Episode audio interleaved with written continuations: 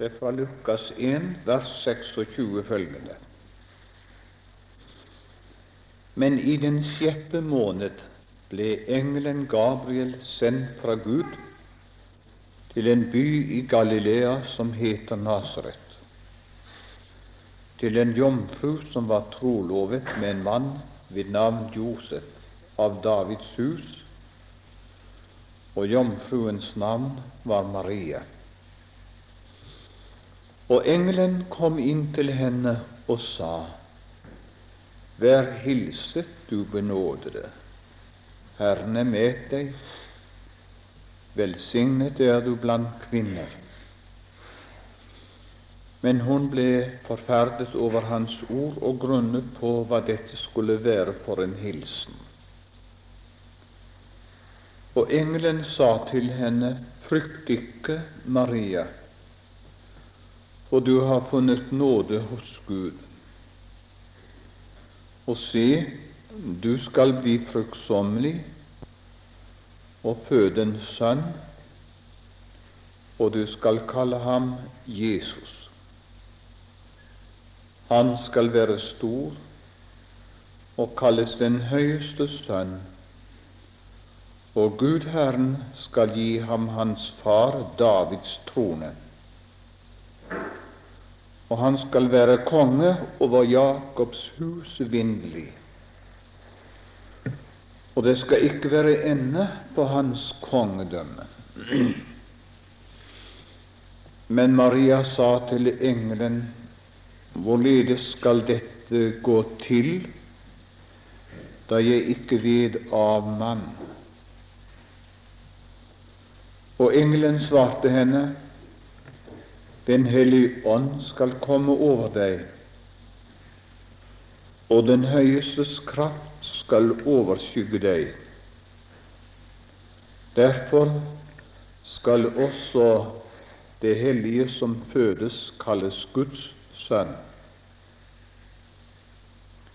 Og se, Elisabeth, din slektning, har også unnfanget en sønn i sin alderdom. Og hun som kalles ufruktbar, er nå i den sjette måned. For ingenting er umulig for Gud. Da sa Maria, Se, jeg er Herrens tjenerinne. Meg skje etter ditt ord. Og engelen skiltes fra henne.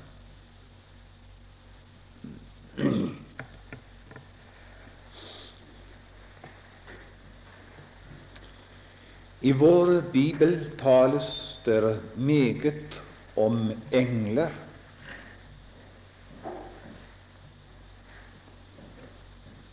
Englene er en stor makt i Guds rike og for Gud.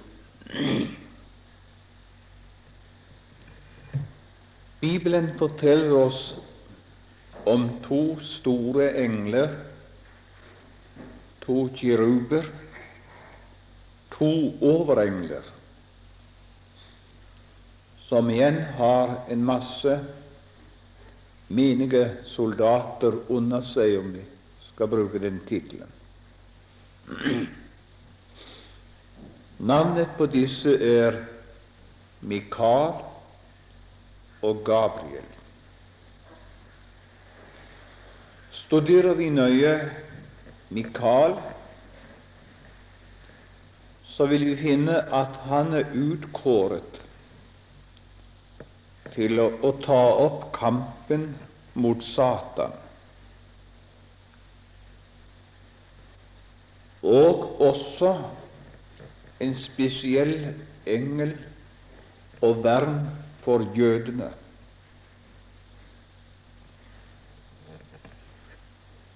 Og eh, bare det skal vi føye til at hvor engelen Mikael tok opp kampen mot Satan, seiret han alltid, og også skal seire i framtiden.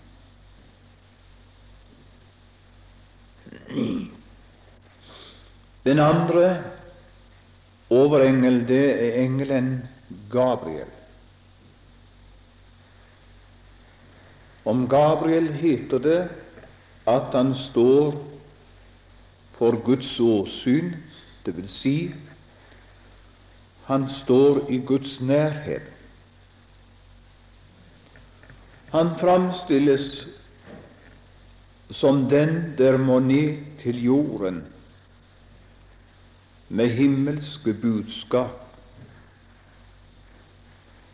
med ordrer ifra Gud, og også med evangeliet ifra Gud. Og det er ved dette høvet som han stiger ned på jorden med et budskap fra Gud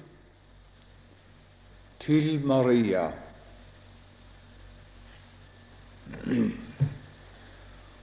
Og budskapet er ikke en ordre, men budskapet er et løfte. Skal vi se litt på løftets innhold? Først er det et løfte som angår henne selv. Det er sagt i fire ting om henne. Du benådede. Det annet Herren er med deg. Det tredje velsignet er du blant kvinner. Det fjerde frykt ikke. Det angikk henne selv.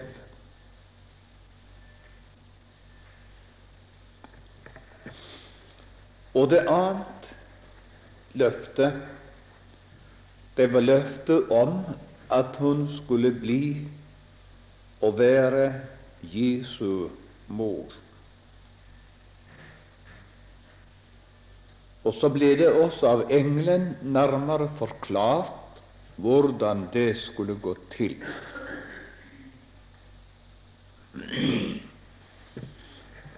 Altså hennes oppgave var å bære fram Kristus i denne verden.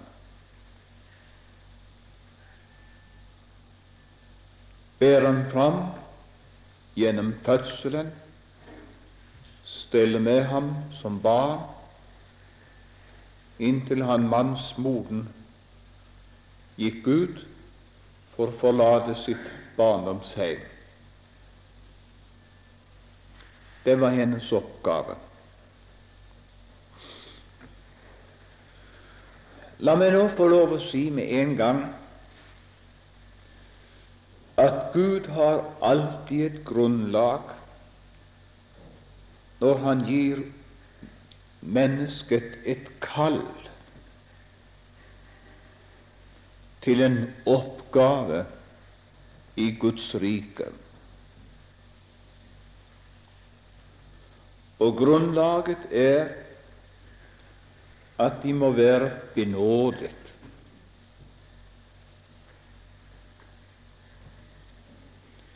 Og som benådede er Herren med dem. Og som benådede er de velsignet. Og som benådede lever de under løftet Frykt ikke.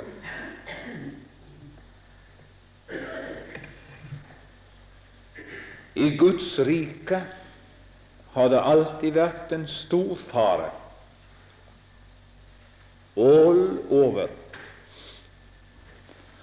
At mange har tatt på seg en kristelig, en religiøs oppgave uten først å være benådet.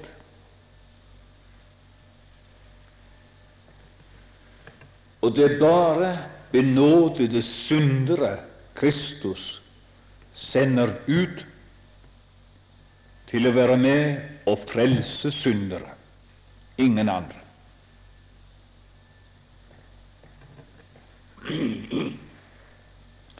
I et bedehus lenger øst i landet der hadde de fått inn i paragrafene og jeg tror det var rett. Det skulle vært i paragrafer både i frikirke og i bedehus. For aldri å snakke om i statskirke, men det vet du er umulig å få inn. Og det var at hver ny predikant som skulle tale i bedehuset, skal først avhøres hvordan han er kommet til liv i Gud. Det høres kanskje radikalt ut, men på Skriftens grunn så het det at de skulle gjøre rede for det håp som bor i dem. Og fant da styret ut at de var gått igjennom porten og var frelst, så skulle prekestolen være åpen for dem. For dem. Og hvis ikke, så skulle den være lukket. I vår tid høres det radikalt ut, men det er spørsmål om ikke de paragrafene skulle vært gjeldende overalt. Hvorfor? Fordi himmelens Gud sender ikke ut noen til å utføre noe for ham uten at de først er benådet. Husk det. og det er gjort mange, mange feil i Guds rike. At man har tatt inn arbeidere i Guds rikes arbeid fordi de oppdaget en naturgave hos dem istedenfor en åndelig gave. Og det er en åndelig gave Gud spør etter. Han spør ikke etter eksamener og naturgaver i første rekke men etter åndelige utrustningsgaver.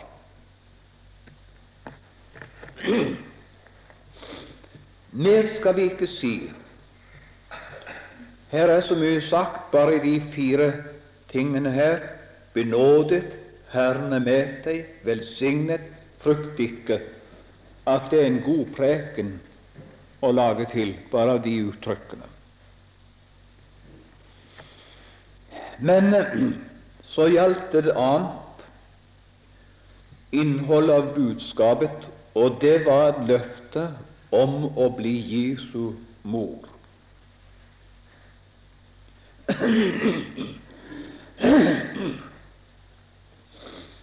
Med en gang Gud gir oss et løfte, med en gang vi møter et løfte, samme hva form det er, og hva sak det gjelder. Så vil vi finne at vi må ta standpunkt til løftet.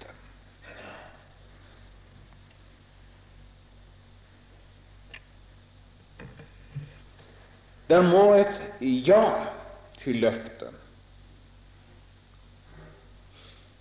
Det må troes forhold til løftet vi mottar. Og det var dette troes forhold engelen hadde som oppgave å vekke opp hos Maria. Det var ikke bare å gi henne løftet om å bli Jesu mor. Men hans oppgave var å gjøre Maria i stand til å ta imot løftet på rett måte, med den rette virkning. Se her. Himmelens Gud er interessert i å gi oss løfter i dag. Men han er like meget interessert i å gjøre oss i stand til å ta imot løftene på en slik måte at løftene får virke det Gud har tiltenkt dem.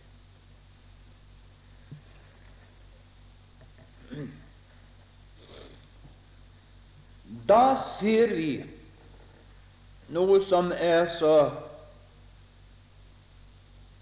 skal jeg si, problematisk i ethvert kristenliv. At når vi skal til å innta det rette forhold til løftene, nemlig troesforholdet, da stikker vantroen hodet fram med sitt spørsmål likt Maria hvorledes skal dette skje?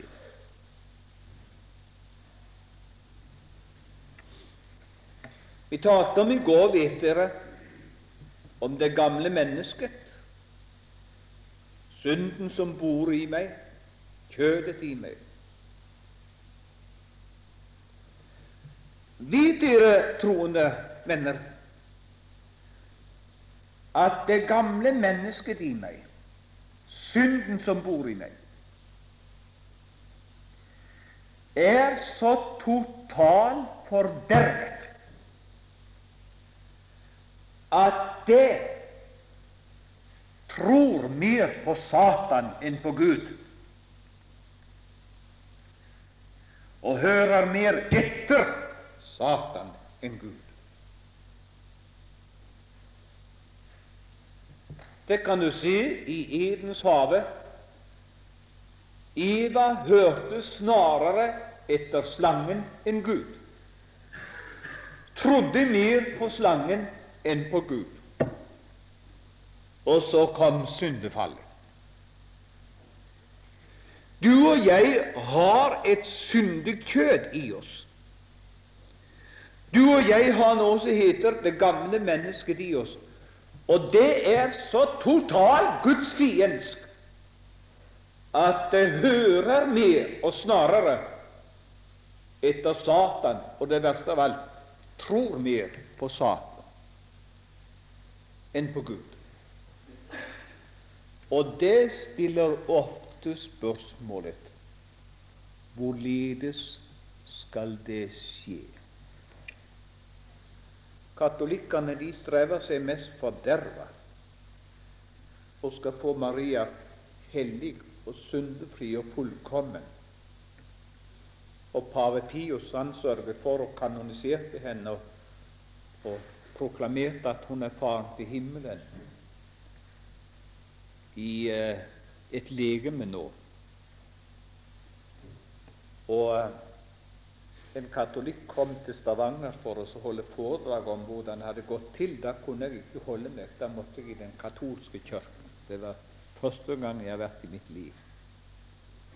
Verre tøv har jeg aldri hørt i mitt liv snakket av mennesker som skal være fornuftige og forstandige. Ja. Men jeg skal si dere at jammen hadde Maria også gamle Eva i seg. Og gamle Eva åpenbares nettopp med det at hun stilte spørsmålet hvorledes skal det skje? Det er vantroes spørsmål. Og vantroen, den bygger sitt hvorledes på de naturlige omstendigheter. Og sitt med naturlige øyne så var det jo meningsløst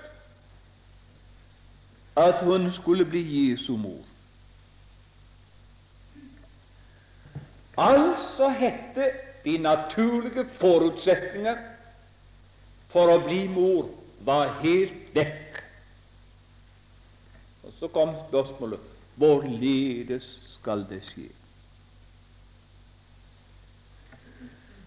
Vantroen dere, den ser alltid hen til de naturlige omstendigheter, til de naturlige vanskeligheter til det umulige i våre øyne. Og så stiller den spørsmål hvorledes skal det gå til? Det går aldri.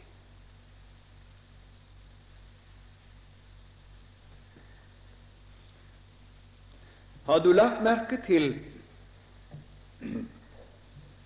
Har du lagt merke til da, da disiplene skulle over sjøen i båten, da de møtte stormveien, været, så begynte de båtreisen med et løfte av Jesus. Det var både et løfte og en ordre. Han sa La oss fare over. Han sa ikke 'la oss reise ut på sjøen', men la oss fare over. Ja. Når de kom ut på sjøen og møtte storm, så sa de noe annet. Vi går under. Hvem hadde rett av de to? Selvsagt Jesus, for de kom over. Men hva var det som gjorde at de sa 'vi går under'? De festet blikket på de naturlige omstendigheter de lever under. De så på bølgetoppene. De så på det lille nøtteskall de hadde til båt. Og de hørte stormen. Og alt det virket. Vi går under, sa vantroen i dem. Ja, for det var vantroen. For han sa til dem, hvorledes kan dere være så vantro? Venner, ser dere, hver eneste en vi blir satt på prøve når Gud gir oss et løfte. Og prøven består, består i lytter vi til kjødets tale, vantroens tale, så sier vi alltid det går aldri. Vi går under. Det nytter ikke. Det er ingen hjelp. Og nå, nå nå er jeg må vel få lov snart å betegne meg for en eldre kristen. Hvor gammel jeg er år, det er blitt så forfengelig, jeg vil ikke ut med. Men er blitt litt gammel troende nå. Men det underlige er det at det er like vanskelig å tro løftene i dag som da jeg var nyfrelst. Det er ikke løftenes skyld. Det er ikke Guds skyld. Men det er fordi at kjødet i meg, det gamle mennesket i meg, det er like vantro i dag som det var da jeg kom til livet Gud. Jeg må slite med vantroen ved siden av troen. Om jeg kunne tatt den vanntråden og så revet den ut av meg, så det bare var tro og ingen kamp og ingen tvil og ingen antektelse med. Å nei, så godt det skulle. Og du med. Ikke sant? Men det er nettopp vi ikke får.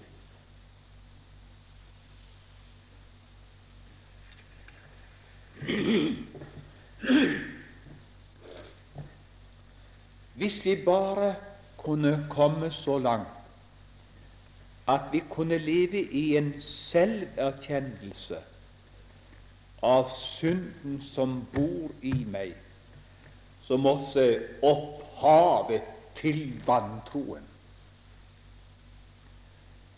Og at vi så at min vantro og min tvil er den største synd jeg kjemper med som kristen.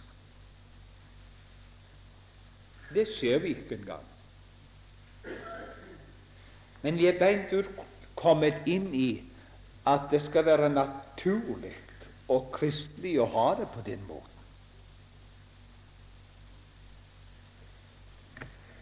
Og så står vi der med vårt hvorfor. Hvorledes? Hvorfor? Hvorledes? Hvordan skal det gå, og hvorledes skal det skje? Mor ser på framtiden for sine barn, ser på den antikristelige tid vi lever i nå. Så spør de hvordan skal det gå med mine barn? Og vi har alle grunn til det. Ja. Broder og søster, se ikke den veien. For det er vantroen som ser den veien. Vantroen regner alltid med de nærværende omstendigheter. Vantroen regner med bølgetoppene og med stormen og med det lille nøtteskall til båt. Og vantroen sier 'Vi går under'. Vi greide aldri Så kan du føre den tanken over på alle forhold i livet. Alle forhold.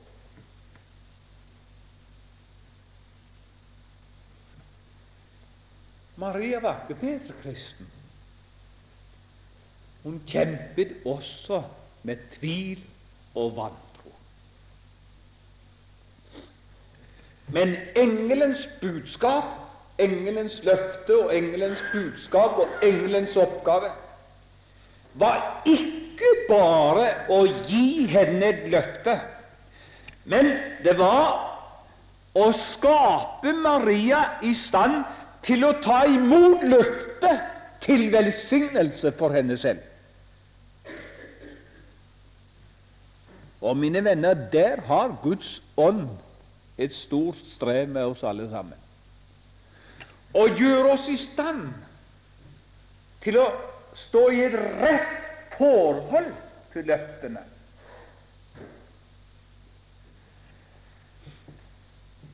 Og hvordan gikk så engelen fram?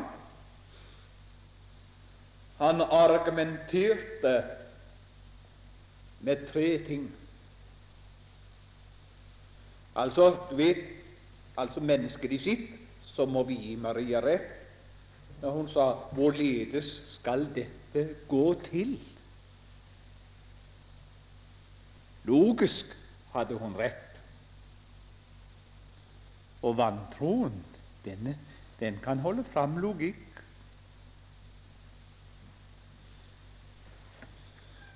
Men på det uforklarlige, på det unaturlige, så hadde engelen det første svar, og det var Den hellige ånd skal greie det. Den hellige ånd skal komme over deg, og den høyestes kraft skal overskygge deg. Derfor skal også det hellige som fødes, kalles Guds sang.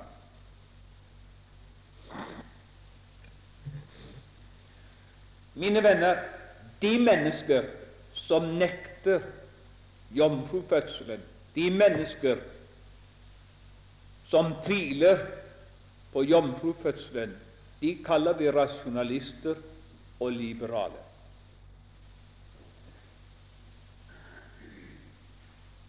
De legger vitenskapen til grunn. Hvis det at de kunne forstå det vitenskapelig, så ville de godkjenne det. Men det kan de ikke. Overfor rasjonalisten, overfor den liberale, som nekter jomfrufødselen, står himmelens Gud gjennom engelen og så sier Den hellige ånd skal greie den sak.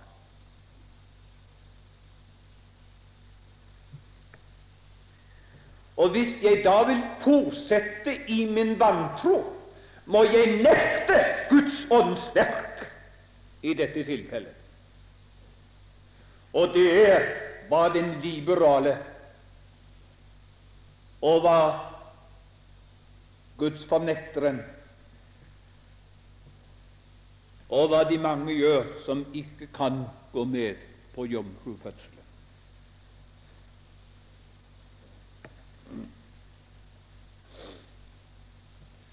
Det andre argument engelen brukte, det var Elisabeth, som vi hørte her. Elisabeth fortalte ham hun har også unnfanget, dvs. Si, hun er kommet i den stilling at hun skal ha en sønn. Men Elisabeth var langt utenom den alderen da det var naturlig å få en sønn. Så bare se på Elisabeth. Undersøk hos henne den Gud som står bak at Elisabeth har fått en sønn, eller skal få en sønn, på en overnaturlig måte. Han skal greie det samme med deg. Og Det var ikke å undres på at etter dette her så reiste Maria til Elisabeth for å undersøke. Og så viste det seg det var sånn.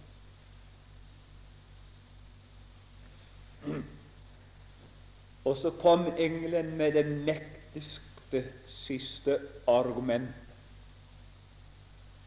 For ingenting er umulig for Gud. Dette kunne det vært nok også talt om i dag. For ingenting er umulig for Gud.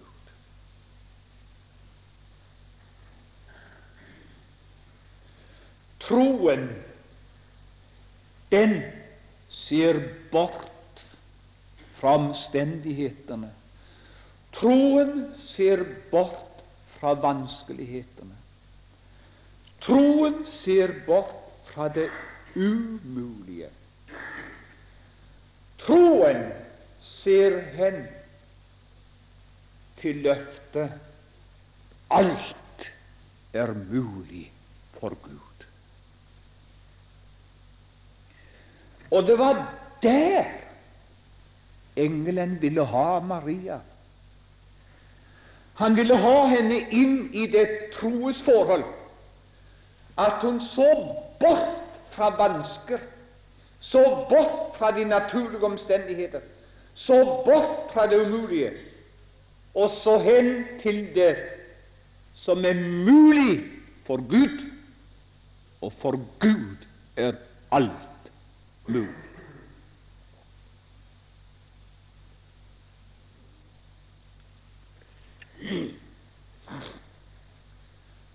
Og så finner vi det fine om Maria. at hun bøyer seg for disse argumenter, og så sier Se, jeg er Herrens tjenerinne. Meg skje etter ditt ord. Meg skje etter som jeg vil. La det gå meg i livet som jeg bestemmer. La det gå meg i livet som jeg ønsker. La meg få gå fram etter min egen spekulasjon og innstilling og planer. Nei, la det skje alt i mitt liv etter ditt ord. Da hadde engelen fått Maria der han ønsket å få henne. Ikke bare gitt henne et himmelsk løfte, et himmelsk budskap, men gjort Maria i stand til å ta imot løftet ved tro og bøye seg for løftets innhold. Og hun bøyet seg da hun sa, Meg skje etter ditt ord.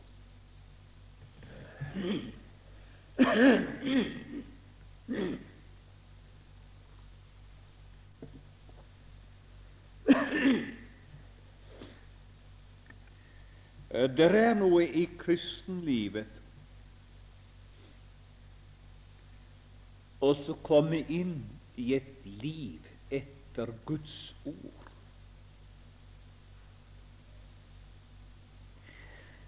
Det er ikke bare i spørsmålet frelse,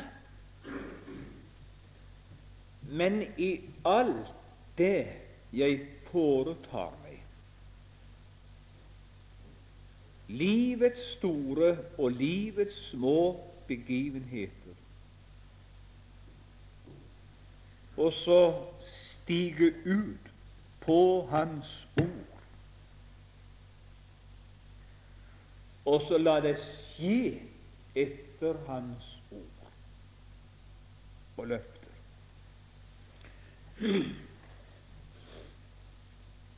Jeg vet ikke om eh, jeg kan forklare dette som jeg ønsker det, men kanskje bildet om om Peter. Det kan bruke det før her en kveld. Da han var i fiskebåten, eller lånte fiskebåten til Jesus som prekstol Det var på blanke formiddagen. Og som et takk for lånet så sa Jesus Nå kan du kaste ut garnet. Så sa Jesus, Peter, på ditt ord skal jeg kaste ut garnet. Og den gangen gjorde Peter den første, første største fiskedrett. Fornuften sa til Peter det er meningsløst å kaste ut garnet på blanke formiddag. Jesus han har ikke noe greie på fiske. Men la gå, jeg skal kaste det på Hans ord. Og så skal jeg love han fikk fisk.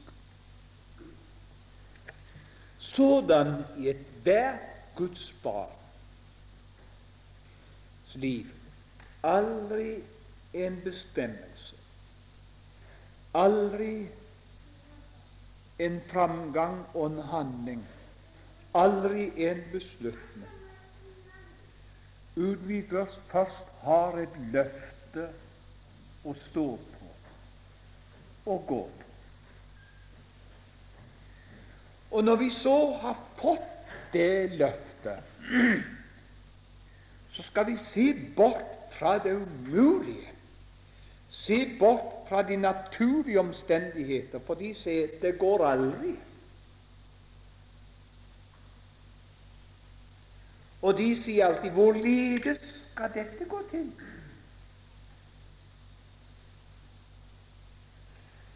Men når vi har fått det, så har vi bare én ting å gjøre. Meg skje etter ditt ord, ditt løfte du har gitt meg. Og så gå fram og regne med for Gud er alt mulig.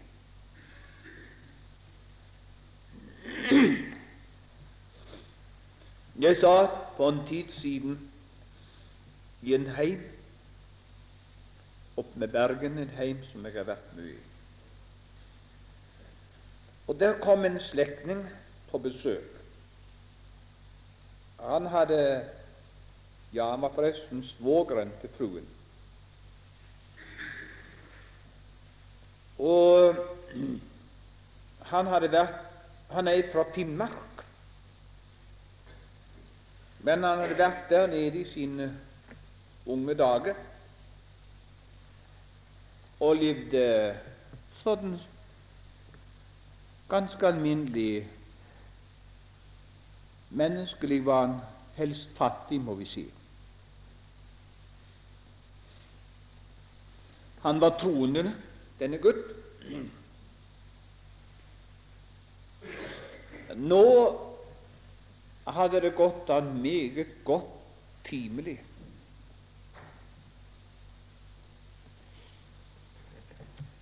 Han hadde hatt stor lykke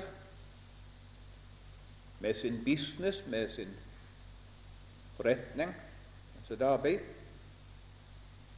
Ikke bare det, men han var også skjuen fram til en av de ledende personligheter i det kristelige arbeidet der oppe i Finnmark, og også i det sosiale.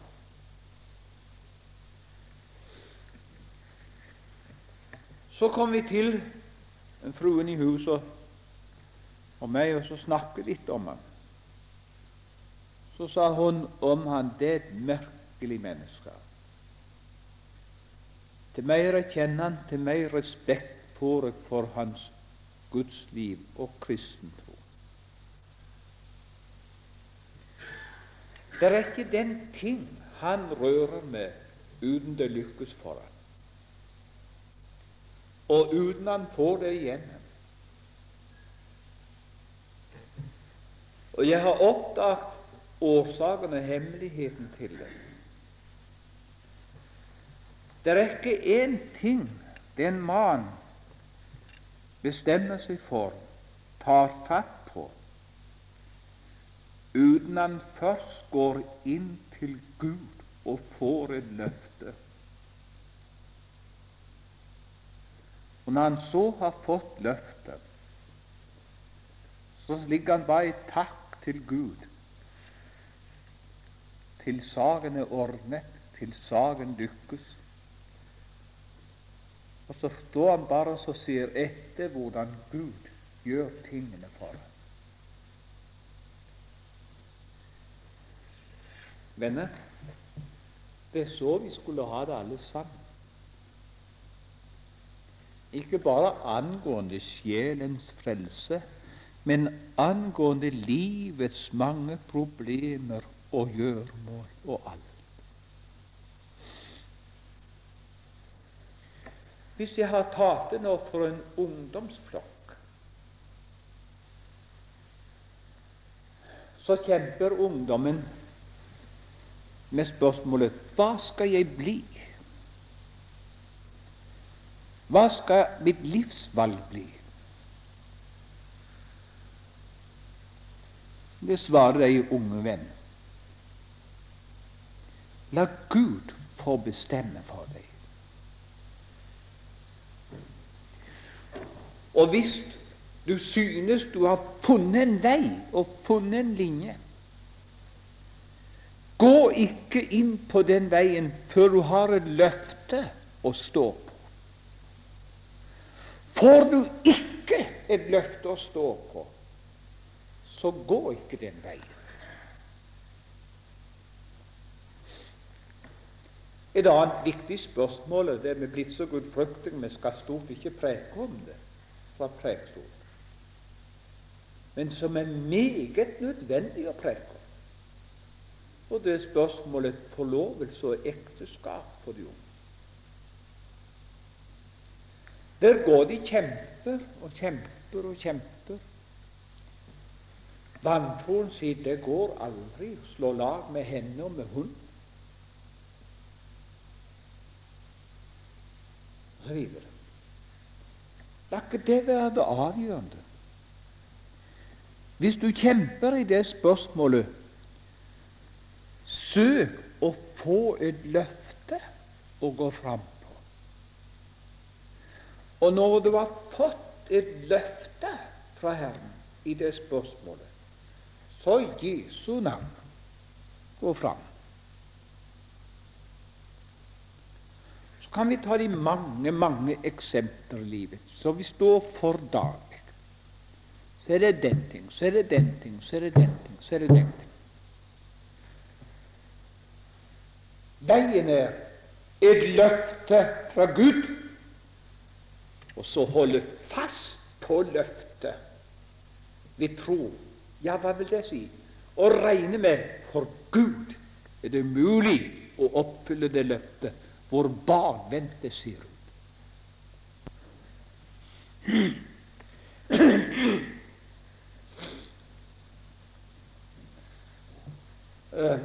Den som, den som har lært seg selv å kjenne litt, og jeg kan her fortelle om meg selv, så vil jeg få lov å si jeg har gjort mange feilgrep i mitt liv.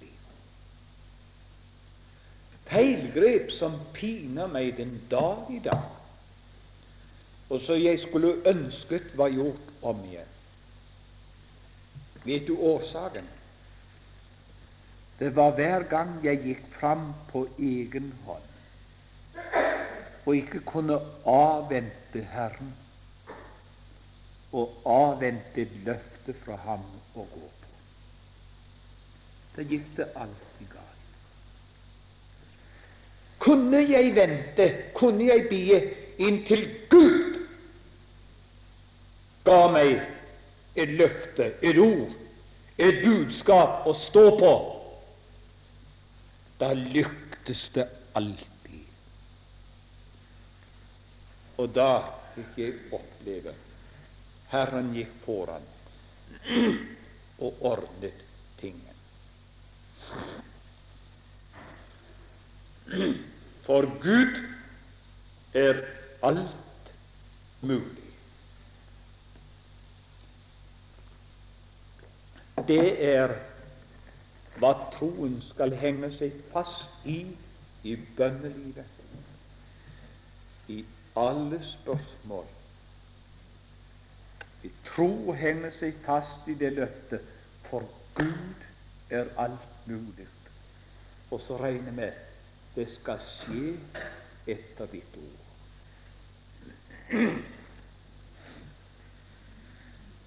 Jeg sa på en benk er flere år tilbake siden nå, oppe i Trondheim, sammen med en gild, gammel, troende jekteskipper, som vi kalte de. Han hadde seilt på kysten Trondheim og nordover i årevis. Jekteskippere er i grunnen ikke manns tittel, men han var seilskutens tømmermann.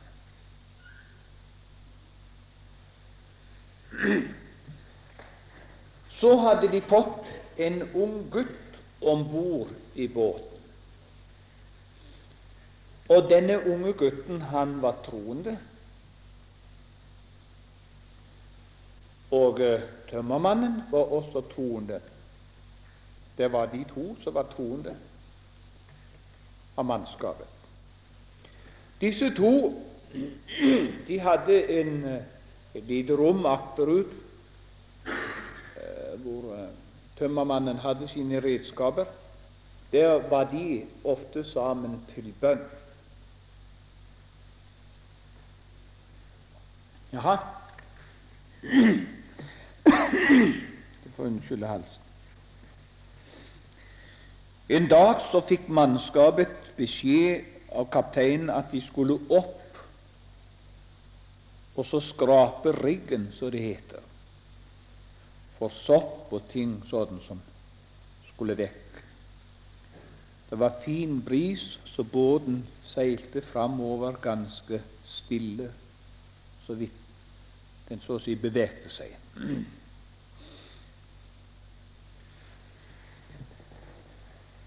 Gutten han hadde sett at masjonisten hadde ei skrape som han absolutt ville få låne av ham. Gikk på masjonisten om å få låne det. Han ville ikke ut med han stort, men gutten var pågående, ville få låne den skrapen. Men hvis du mister skrapen, så skal du få så mye juling du aldri har fått før i ditt liv. Det var masjonistens ord. Og så fikk han låne skrapen. Ah, gutten opp i ryggen og begynte å skrape og alle ting, og sang og jublet. Og bestanlegget der klaks, der går skrapen utenbords. Og så blir det måneformørkelse. Og så kom han ned fra ryggen og hen til tømmermannen. Nå må du være med inn i rommet. Nå må vi be til Gud om å få skrapen igjen. Og dette her blir forferdelig. Da sviktet troen tømmermannen. Så sa nei, nå, nå får du gå alene og be, sa han. Dette her har ikke jeg tro for. Ja, det hjelper ikke. Jeg må be Gud om å skaffe skrapen igjen. Så blir ikke du med, så får jeg gå alene. Og gutten gikk. Og var der inne ei stund i bønn, så kom han ut igjen og bort over til tømmermannen. Nå skal jeg få skrapen igjen, sa han. Ja, skal du det? Ja, Gud har lovt meg det. Skrapen skal komme igjen. Og du må huske på at alt er mulig for Gud. Ja, ja, tenkte tømmermannen. Du er ung, du, og jeg er litt mer eldre og har litt erfaring av livet. Jeg skal ikke ta troen ifra deg, men det blir nok hardt når du blir skuffet. For den skrapen ligger nok på havets bunn for lenge siden.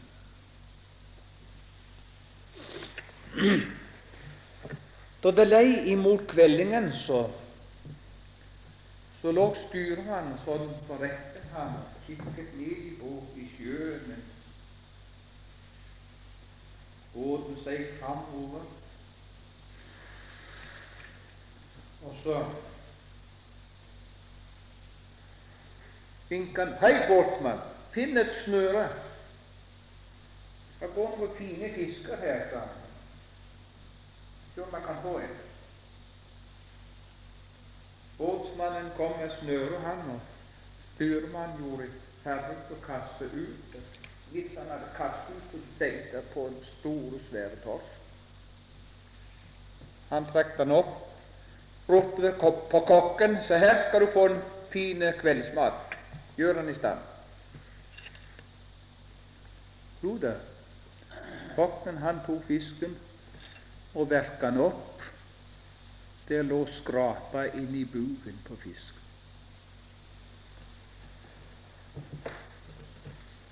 Ja, Hvis ikke den der broderen i Trondheim var en absolutt troende mann, pålitelig mann, så skal jeg tilstå at jeg hadde vanskelig for å tro det. Men der skal love at det var ingen som spottet Gud, gutten, ned på båten. De hadde holdt han mer til narr før, men da var det slutt. Og den som nå måtte inn i rommet på kne, sa tømmermannen, det var meg. Og det underlige var styrmannen kastet ut flere ganger, men ikke klarer å få en fisk med bare den ene. Ser du? Med det samme skraben datt, så ordnet himmelens Gud, kommandert i hjernen på en torsk, gå etter og ta den skrapen, for mitt navn skal herliggjøres gjennom et bønnesvar. For Gud er alt mulig. La oss regne med det i alle ting, og framfor alt i bønnelivet. Se, Gud gir ikke bare løfter, men Gud ønsker å sette deg i stand til å ta imot løftet på den rette måte. Og det å si bort fra det umulige, og så i tro regne med løftet skal oppfylles i kraft av Han som alt er mulig for. Amen.